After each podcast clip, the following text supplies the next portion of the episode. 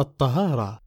حديثنا اليوم عن شرط من شروط صحة الصلاة ألا وهو الطهارة. ومعنى الطهارة في اللغة النظافة من الأوساخ وفي الشرع ارتفاع الحدث وزوال النجاسة.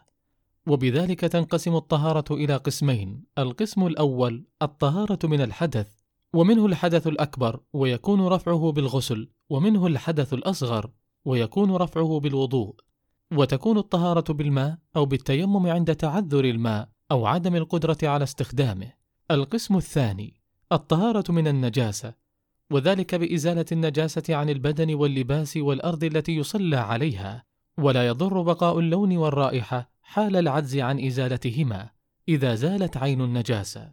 ومن النجاسات التي يجب إزالتها عن البدن والملابس والمكان بول الادمي وعذرته والدم ويعفى عن اليسير منه. وبول وروث الحيوان المحرم أكله نجس. أما الحيوان المباح أكله فبوله وروثه طاهران.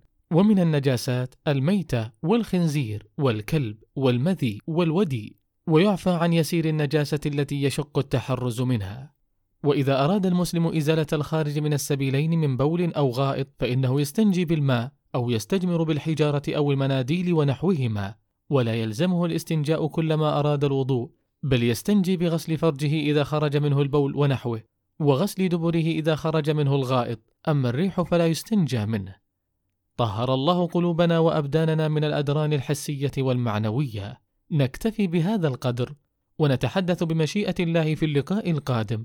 عن الطهارة من الحدث الأصغر.